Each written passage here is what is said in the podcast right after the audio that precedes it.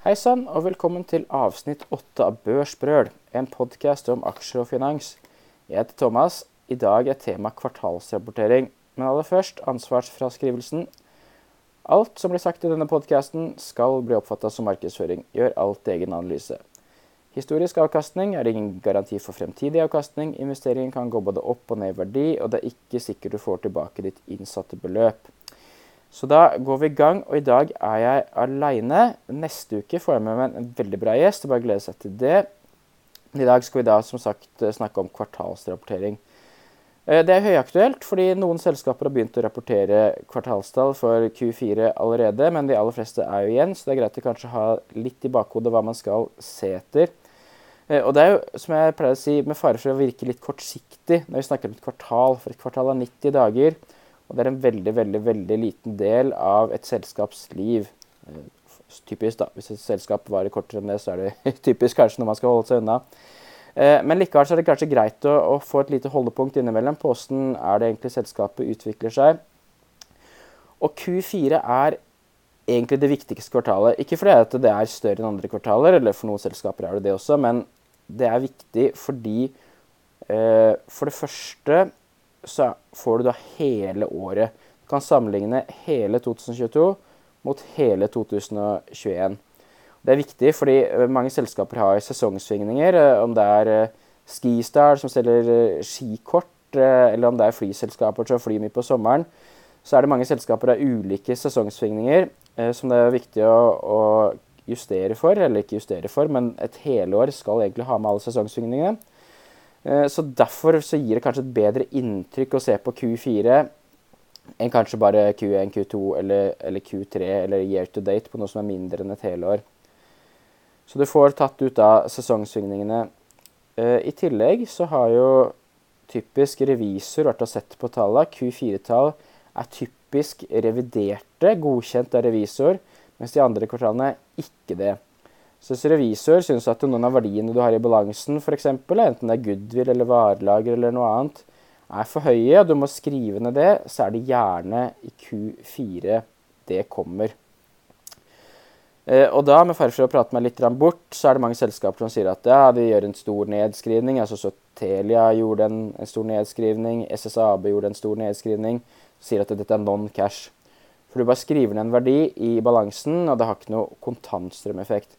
Hvilket er sant, men det har jo vært cash en gang tidligere. Så jeg synes det er litt enkelt å bare gjøre masse store investeringer. altså Når du skriver ned, sier at det er non-cash som om det ikke betyr noe. Eh, og det eh, synliggjør også litt faren ved å prise selskap på prisbok. Hvis du har masse verdier i balansen som egentlig ikke har noe verdi. Eh, I Telias tilfelle så skrev de ned rundt 23% av egenkapitalen sin. Så prisa du det selskapet prisbok på forhånd, så ville det prisbok blitt noe annet etter, etter, kvartalet. En annen grunn til at Q4 er viktig for en del selskaper, eller ikke Q4 som kvartal, men Q4-rapportering, er at de gir guidance. Eh, de deler sine spådommer om påfølgende år, eller det inneværende år, da, 2023. Og Da er det litt viktig å ha sett på hva selskapene pleier å guide på, om de treffer på det. Fordi mange, Det er ikke så vanskelig å si at de tror eh, 2023 kommer til å bli kjempebra. og Alt her går rett vei på alle måter. Og så tror man at eh, det skal påvirke enten kursen eller eh, estimatene eller hva det måtte være, positivt. Så det er viktig å se på, på tidligere guiden selskapet har gitt, og hvor, ofte, hvor godt treffer de på det. For Noen selskaper har jo en, har jo en historie med å være forsiktige når de guider også. De sier at tallene uh, sannsynligvis ikke blir så veldig bra, og så blir de kanskje uh, høyere enn de har sagt. Og i guiden så ligger det ofte masse agendaer også. ikke sant? Det kan være at de, et selskap sier at vi forventer sterk vekst i salget pga. høye pris, uh, prisjusteringer. Og så kan det kanskje egentlig være vel så mye en, en agenda med å fortelle kundene sine at de skal forvente store prisøkninger. Eh, og da forankrer du på en måte det i guidance, eh, at alle skal forvente det. Så hvis de sier at vi skal øke prisene med 20% så hører alle kundene. Eh, og så blir kundene kanskje glad da når de kun får en 15% prisøkning. Har selskapet sagt på forhånd at vi venter en 5 prisøkning, så hadde du fått 15% prisøkning, så hadde du ikke blitt så fornøyd. Så det ble en forankring. Og det kan være det samme på andre måter om et selskap skal gjennomføre kostnadsbesparelser.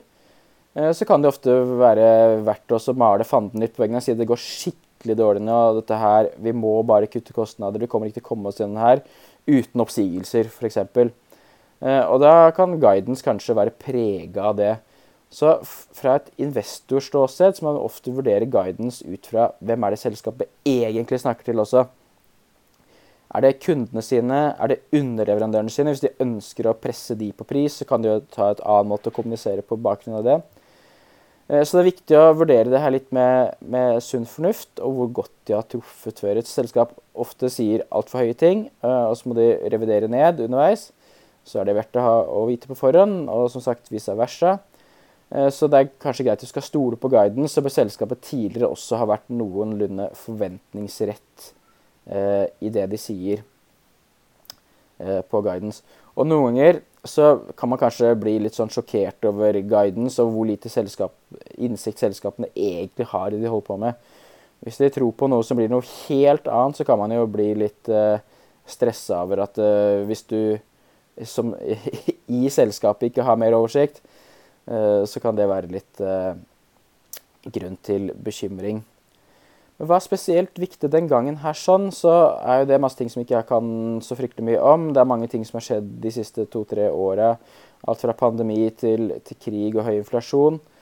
Eh, så rentekostnadene kan være én ting å se på. De har nok økt ganske mye gjennom 2022. Og takten inn i 2003 er nok ganske mye høyere det vi har sett. For selskaper som har mye gjeld, så er det kanskje litt viktig å ha et eh, forhold til. Både hva renten er, hvor mye gjeld de har. og Det er ikke alltid så lett å se i resultatregnskapet hvor mye rentekostnader et selskap har. For ofte så er det bare noe som heter netto finans. Og der kan det ligge mye agio, dvs. Si hedging-tap på rentekontrakter eller valuta eller andre gevinster og tap som hører inne der sånn. Så noen ganger må du faktisk gå i årsrapporten, da, og da må du gjerne gå tilbake til i fjor, for du har ikke kommet på årsrapport for i år enda, for å se på hva det kan være. Alternativt så er det flere selskaper som gir det her i kontantstrømmen. Du kan gå i kontantstrømmen kan du se på det som heter da, interest paid eller interest received, eller summen av de to, holdt jeg på å si. Eh, og finne ut uh, hva det er. Så det er nok noe som er noe vi skal holde være obs på inn i 2023, at rentekostnadene blir høyere. Eller kanskje selskapet masse cash over høyere renteinntekter. altså Det er ikke så dumt, det heller. Eh, og kostnader generelt er jo også noe som er viktig pga. inflasjonen som vi vet om. Eh, påvirker mange selskaper. Og, og Da er det flere ting å vurdere ut fra det. altså En ting er hva slags type kostnader. Har de mye lønn, har de mye råvarer, har de mye andre ting? Hvordan har det blitt påvirka, og skal vi forvente at det blir gjennom eh, året som kommer? Men også hvorvidt selskapet har prisingsmakt, kunne ta det her ut i priser til sine kunder igjen for å utligne den negative effekten for økte kostnader. Og på ett vis, da, for å ta det første først, med kostnadene, så jo høyere margin du har, jo bedre er jo det. Hvis du har 10% margin, dvs. Si du har 100 inntekter, 90 kostnader, og så stiger kostnadene med 10 når kostnadene blitt 99, da, så har marginene gått fra 10% til 1 Så det er jo litt uh, ubehagelig sånn matematisk sett. Hvis du da har 30 margin, dvs. Si du har 100 inntekter og 70 kostnader, så ville kostnadene steget da fra 70 til 77.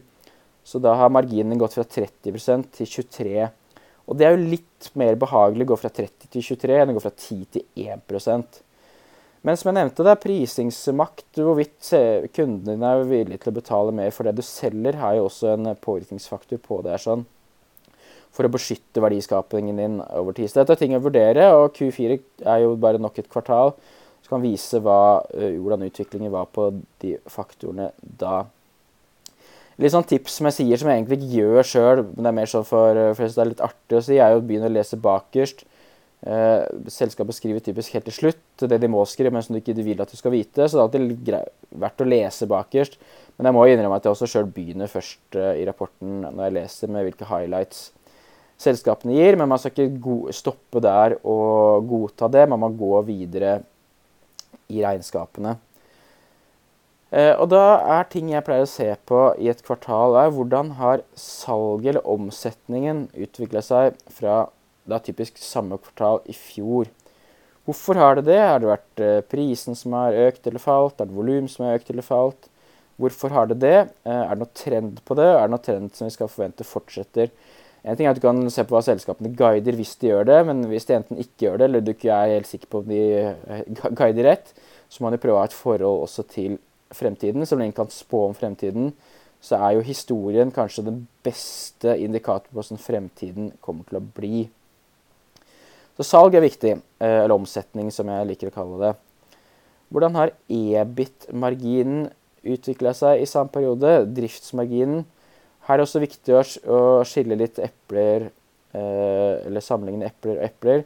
Så helår mot helår er jo fint. Q4 mot Q4 skal også være fint. Q3 mot Q4 er kanskje ikke så fint, for du har store sesongsvingninger. Så det er viktig å, vite hva du sammenligner der sånn. Og jeg eh, pleier å vurdere noe som heter jeg kaller for syklisk fase. Det vil si, er marginen høyere eller lavere enn den burde være. da. Og kanskje er det gode grunner til at selskapet tjener mindre enn eh, de kanskje burde gjøre, eller mer enn de burde gjøre. Og det har vi sett kanskje ekstreme faktorer på nå gjennom pandemien. da. Eh, jeg så på disse tallene til Byggmax i Sverige, som kom med tall tidligere i uka, som egentlig var et betydelig fall i deres inntjening fra samme kvartal og året før, egentlig hele året fra året før også. Fordi de kanskje tjente altfor mye penger under pandemien, der folk var hjemme og kjøpte planker og pussa opp og ordna og, og, mekka. Da ville de vært i en veldig høy syklisk fase. De tjente mye mer penger enn de burde gjøre. da. Så det er kanskje andre selskaper som hadde det motsatte, at de hadde negativ påvirkning av pandemien. Og for en del selskap blir det blitt snudd liksom opp ned nå. At nå har folk eh, fått dårlig råd. Eh, strømmen er dyr, renten er gått opp. Alt har egentlig gått opp i pris. Da. Så mange folk har mye dårligere råd enn før. Så bruker mindre penger på ting som vi kanskje brukte mer på før. Så er det kanskje noen selskaper som tjener mindre enn de burde gjøre. Så er det kanskje andre selskaper som tjener mer enn de burde gjøre, fordi eh, under pandemien og for så vidt før det så ble det investert for lite kapasitet mange ting. Eh, som har gjort at eh, noen råvareselskap kanskje har, har, høyere margin enn de har hatt før. Og så får man kanskje det varer, men kanskje ikke det varer. Det er viktig å prøve å vurdere hvorvidt eh, din inntjening selskapen har, er vedvarende eller ikke. En del selskaper liker jo å fronte det her med EBITDA, altså driftsresultat før avskrivninger og amortiseringer. Og det er litt farlig for mange selskaper. og Det er flere grunner til det. For det første så er det en del selskaper som kapitaliserer eh, eh, kostnadene sine. Og det, med det mener jeg at du tar en, en kostnad da, i forskning og utvikling f.eks. Eh, som en investering. Dels si du flytter den ut av resultatregnskapet og inn i kontantstrømmen. Og det vil jo egentlig blåse opp da eh, resultatet ditt i resultatregnskapet. I hvert fall på EBD-nivå, for det, den investeringen må du gradvis avskrive når den ligger i eh, cashlowen, og da også i balansen. Så EBIT vil over tid ikke bli påvirka av det. Eh, I hvert fall ikke langsiktig, det kan jo være fra tid til annen. Eh, men EBIT vil bli blåst opp av det. Og Selskapet kan også ha veldig ulikt investeringsbehov. Da. Noen selskaper har jo ikke investeringer i det hele tatt, fordi alt går eh, som en driftskostnad. Det kan være sånn som Bouvet, f.eks., som de har ikke noen fabrikker eller andre ting de investerer i, så da vil alt være eh, driftskostnader og egentlig ingenting omtrent være investeringer. Mens andre selskaper kanskje har store investeringer. Så det å se på at ja, men det selskapet har en høy EBDA-margin, det andre har en lav EBDA-margin, så er ikke det eh, alltid epler og epler. Eh, så I tillegg til det så er jo også med de nye regnskapsreglene som kom for et par år siden, eh, husleie er jo da blitt tatt som Husleie har blitt endra seg fra å være en OPEX, eller en driftskostnad, til å bli behandla som et slags lån. Så du har tatt husleiekostnadene ut av driftskostnadene. Så behandler du egentlig det som en forpliktelse som da du amortiserer eh, egentlig som en slags avdrag på det, pluss at du har en rentekostnad på det. Eh, så, det, så EBD-en din nå vil jo være høyere enn den var før, fordi husleia di er blitt flytta ut av den. På EBIT vil det være ganske uforandra fra før, og cashdown er selvfølgelig helt uforandra, for du må betale husleie i, selv om du kaller den for noe annet nå enn du kalte den for før. Eh, og så Hvis vi går litt videre ned i regnskapet, da, i resultatregnskapet, så er det selvfølgelig eh, eh for min egen del i hvert fall, som investerer i aksjer, så er jeg interessert i hvis det kommer tilbake til meg. Og før jeg får en eneste krone, så må selskapene betale renter og skatt. Og det kan også både minoriteter og tilknyttede selskaper eh, som kommer før det. Så jeg liker å se på EPS, eller earnings per share, hvor mye tjener selskapet netto, delt på antall aksjer. Eh, og vi, kan, vi, skal snakke litt om cashflow etterpå, for at, uh, man sier at cashflow never lies, så cashflow er viktigere enn uh, resultater. Og så er det viktig da å sammenligne litt over tid, fordi hvis et selskap ikke jukser med tallene, så sånn enkelt sagt så skal uh, inntjening eller nettoresultat være en form for normalisert kontantstrøm. Ofte svinger kontantstrømmen mer enn resultatene, så det er greit å bruke resultatene gitt at de uh, kan ser ut til å ha høy kvalitet. Så uh, etter alt det der sånn, så må man tenke på hva burde selskapet tjene fram, og på det også. Da får vi da selvfølgelig inn kostnadene og rentekostnadene og andre ting som vi har vært innom. Hvis vi da går videre til balansen, så er det mange ting å se på. Men for å ta det litt kort, eh, er jo hvor mye gjeld har selskapene. Da går jeg typisk da på høyresiden av balansen for å se på hvor mye egenkapital har de, hvor mye Eh, langsiktig rentebærende gjeld har de, hvor mye kortsiktig rentebærende gjeld har de, og mye kontanter har de. Så sum gjeld, eller rentebærende gjeld, da, minus cash, gir jo da det vi kaller for nettogjeld. Det kan du sammenligne med enten uh, ulike steder i resultatregnskapet. Mange liker å bruke EBDA. Jeg syns det ikke er noe spesielt godt tall for de fleste selskaper. Kan heller sammenligne med nettoresultatet, spør du meg, fordi uh, det er jo det du har å kunne betale avdrag på gjeld av. Du kan også sammenligne det med egenkapitalen, litt avhengig av hva du er ute etter. Jeg måler jo ofte gjeld som eller soliditet, som er egenkapital delt på egenkapital og nettogjeld. Jeg gjør det fordi i min modell så setter jeg der opp mot avkastning på egenkapitalen. Og du kan få høy avkastning på egenkapitalen hvis du tar fryktelig mye gjeld opp. Sånn litt enkelt sagt, du kjøper en bolig og så låner du 90 Eh, på den, og så stiger den 10 i verdi, så er det 100% avkastning på egenkapitalen. Eh, det høres veldig bra ut, men det er selvfølgelig kjempehøy risiko. Så nødt til å sette de to rett opp mot hverandre. Poenget er, i hvert fall for min del, da, jeg liker ikke at selskapene har mye. Jeg liker egentlig at de har mye netto cash.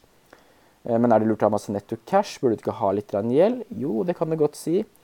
Men nå har vi jo dessverre hatt eksempler. I går gikk Flyr konkurs. Forferdelig synd som for, for forbrukers side. Andre eksempler er jo at et selskap må hente ny egenkapital på lave kurser, og du som aksjonær blir, blir betydelig utvanna.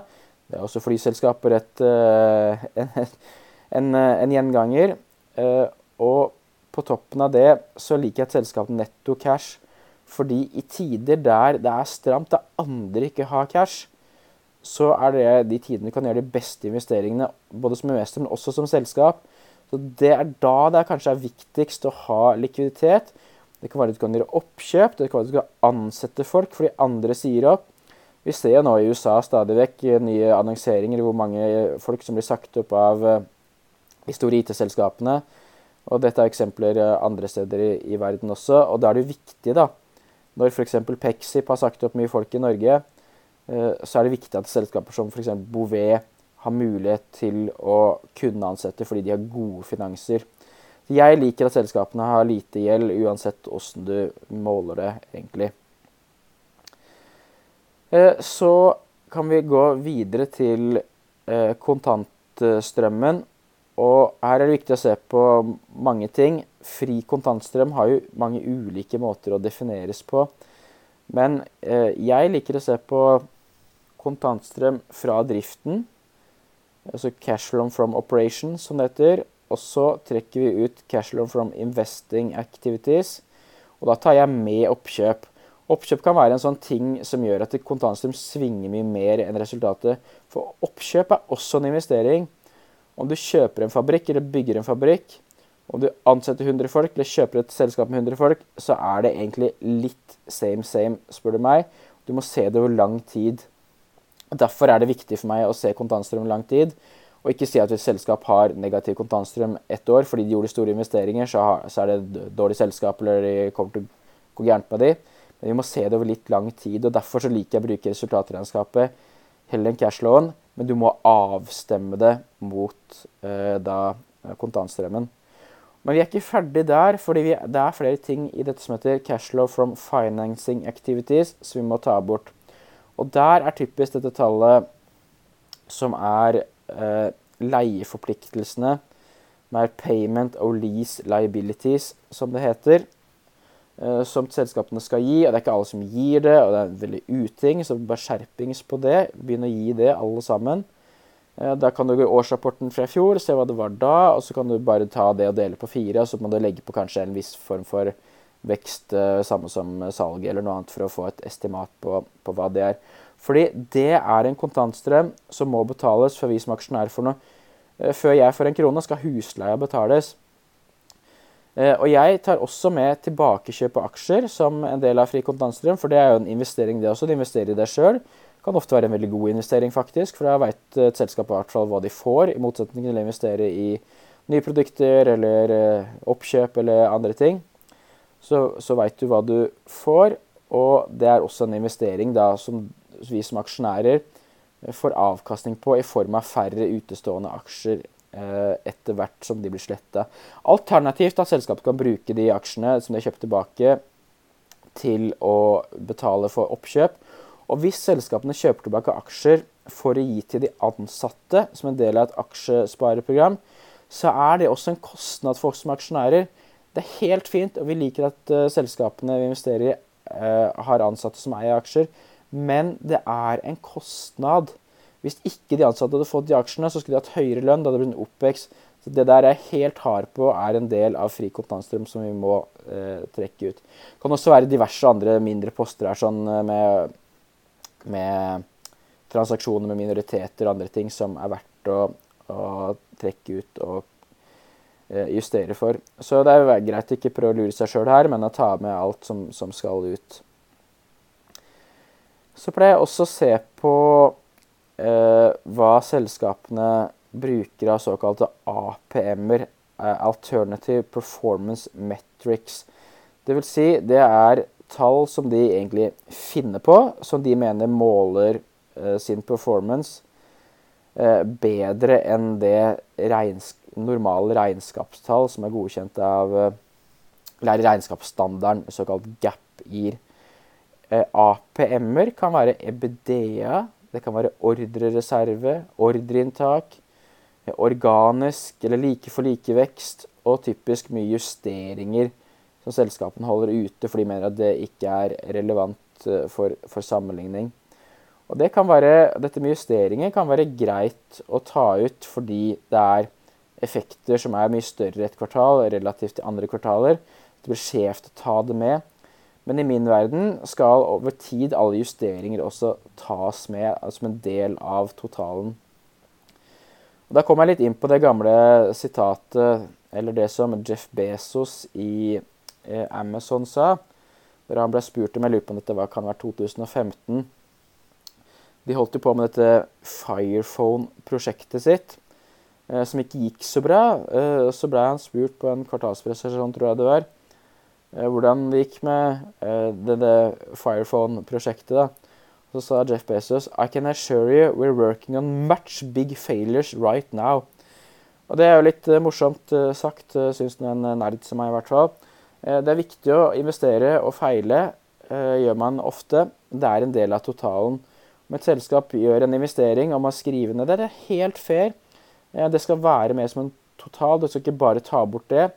Eh, og samtidig så skal også det som blir suksess, tas med, enten det er en gevinst eller et salg av virksomhet eller andre ting. Så over tid så mener jeg at alt skal være med for å måle et selskap best mulig.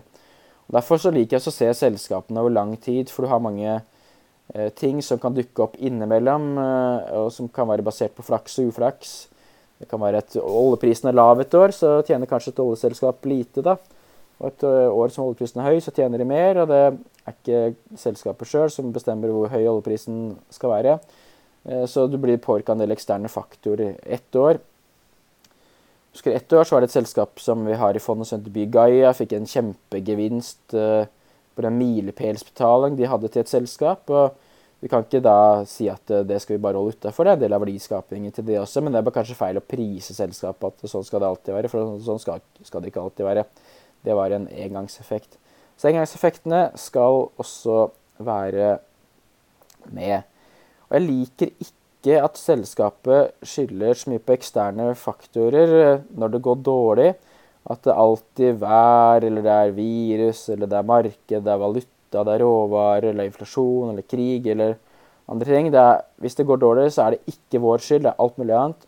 Men hvis det, er, hvis det går bra, da er det fordi vi hadde en veldig bra kompetanse i organisasjonen, gode produkter og alt det der sånn så blir det det litt man kaller for ja, Nå kommer jeg ikke på Jo, self-attribution bias heter det.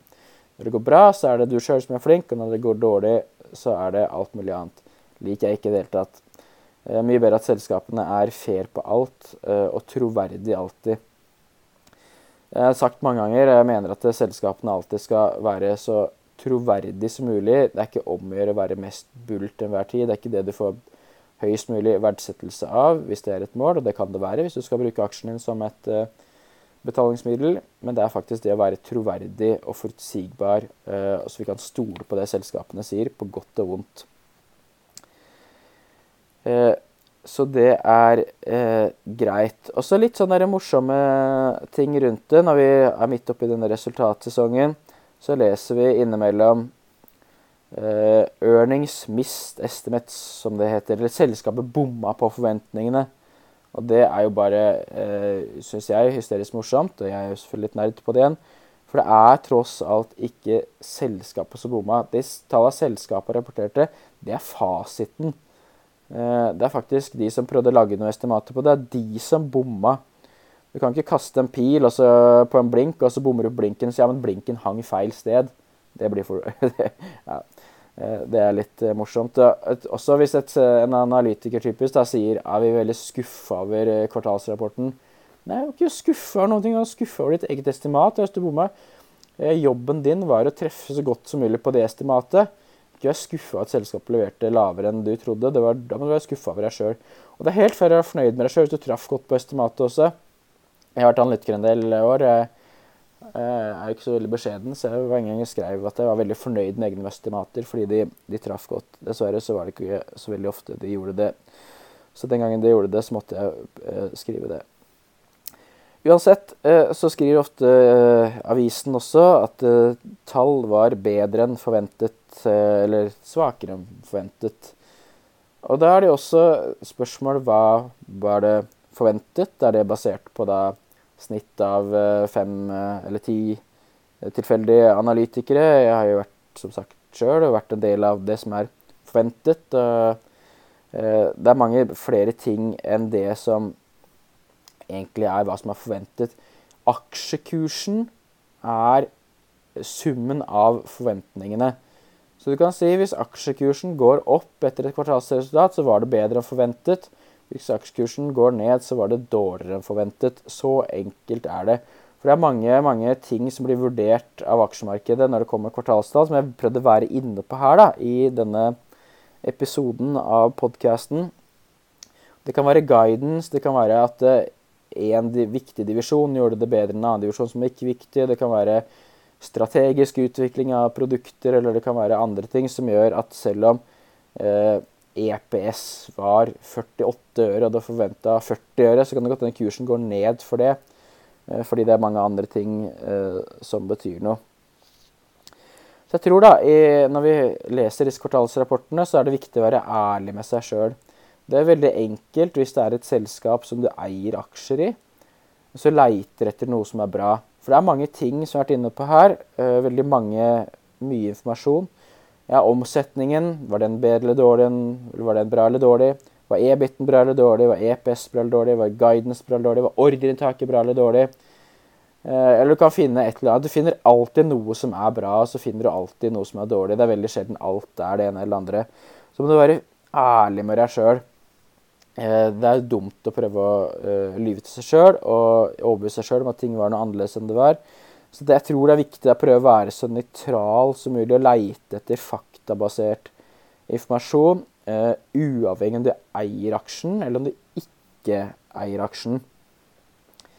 Jeg skal avslutningsvis bare snakke litt også om årsrapport, fordi vi kommer jo da uh, ikke så veldig lenge inn om årsrapportene som ramler inn typisk mars, april, mai. da. Og de er mye mer detaljerte enn kvartalsrapporter. Vi har vært gjennom litt allerede på mer detaljer rundt hvor inntektene kommer fra, hvilket land, divisjon uh, f.eks. Uh, og i årsrapporten så finner du også typisk femårssammendrag. Noen selskaper har tiårssammendrag også, mange har femårssammendrag. Og da pleier jeg typisk bare søke i årsrapporten på Når 2022 kommer, da, så vil jeg bare søke på 2018. Da kommer det ganske kjapt fram til den tabellen, hvis selskapet har den. Eh, fordi fem år tilbake da, så blir det 18, 19, 20, 21 og 22. Fem år, eh, og da finner du den tabellen. Og da finner du mange viktige nøkkeltall på omsetning, på driftsresultat typisk, på EPS, på marginer, på kapitalavkastning, på gjeld. Og da blir det ganske enkelt å sette sammen disse nøkkeltallene. Så er det jo en smakssak hva man liker å se på. Jeg liker jo å se på en del av de tinga vi snakka om, da, med Kapitalavkastning f.eks. Er den jevn, eller er den ujevn? Vokser salget, eller faller salget, og gjør det jevnt eller ujevnt? Hvis det gjør det ujevnt, så kan det enten peke på at selskapet er syklisk, kanskje det har skjedd noe. Kanskje det var et kjempehopp et år, da, at de gjorde et stort oppkjøp eller en stor investering eh, som eh, gjør det. Eller kanskje de bare hadde et kjempebra år i 2021, da, for det var en koronavinner, og så går det rett ned igjen nå så kan den der femårstabellen gi fryktelig mye informasjon på veldig eh, begrensa plass. Så jeg syns det å lese den med et, uh, med et uh, skeptisk og granskende blikk, det kan gi veldig mye, veldig mye god informasjon. Og Hvis du liker selskapet du har sett på det, der, men så kan du gå på årsrapporten da, for 2017. Da, så kan du gå fem år til tilbake og så kan du se hvordan det var da også. Da får du ti år, og det gir ganske mye informasjon tar ikke fryktelig lang tid å taste inn det der eh, viktige tallet i et Excel-ark og gjøre en liten vurdering av et selskap eh, eh, basert på det. Og så må man selvfølgelig vurdere fremtida. Fremtida det har vi jo snakka litt om på guidance og på litt på kort sikt. Ofte i årsrapporten kan du finne mer informasjon som kan gi litt vurderingsgrunnlag på lang sikt også.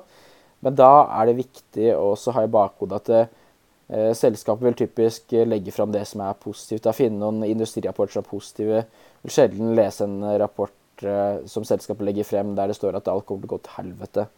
Uh, du vil typisk finne det, det, motsatte. Så det er viktig å prøve å finne så faktabasert informasjon som mulig. Du kan finne mye kilder eh, ved å lese årsrapporten, og du kan finne mye god historikk. Så man verdsetter aksjen, og det har vi snakka om i en podkast tidligere, så det gidder jeg ikke gå inn på nå. Det du også typisk finner i årsrapporten, er hvilke eiere det er som kan være verdt å vurdere. Er det langsiktige eiere eh, som kan være bra å ha eh, som en støtte for selskapet? Eh, eier, eier ansatte ledelse mye, og det er jo bra hvis de gjør det. Så er det kanskje ikke bra hvis, hvis du har en CEO som er altfor mye, så han har gira seg plutselig med å tvangsselge aksjene hvis det går litt ned. Han er belånt. Eh, eller pga. belåningen han har, da, så, så, er det greit å ta en liten vurdering av aksjonærliste også. Kanskje litt sånn undervurdert, da, for hvis du skal gjøre en DCF av et selskap, en nedvurdert Eh, nedvurdert, neddiskontert kontantstrømsanalyse. Så I den så står det ikke så veldig mye om hvilke eiere du har, men det kan likevel være verdt å se hvilke eiere du er. Kanskje veldig flinke eiere, da, og de er kanskje flinkere enn deg sjøl. Typisk så vil jeg finne, finne det. Det er folk som har lykkes ofte før med investeringer, som har investert i et uh, selskap. tenker jeg Det kan være et godt utgangspunkt. Jeg bruker ofte eiendomsselskaper som et eksempel der Jeg liker veldig godt Balder og Saga-aksjer. Hvis de eier aksjer i andre selskaper, så tenker jeg det er et godt utgangspunkt da, for, at, for at uh, det er et uh, godt selskap. Så jeg tenker det var det for i dag. Uh, masse kvartalsrapporter. morsomt, viktig å lese, lære masse av det. Vurder å være ærlig med seg sjøl. Så gleder jeg meg til podkasten neste uke. Da skal vi ha med en veldig bra gjest, så det ser jeg fram til. All right. Takk for nå.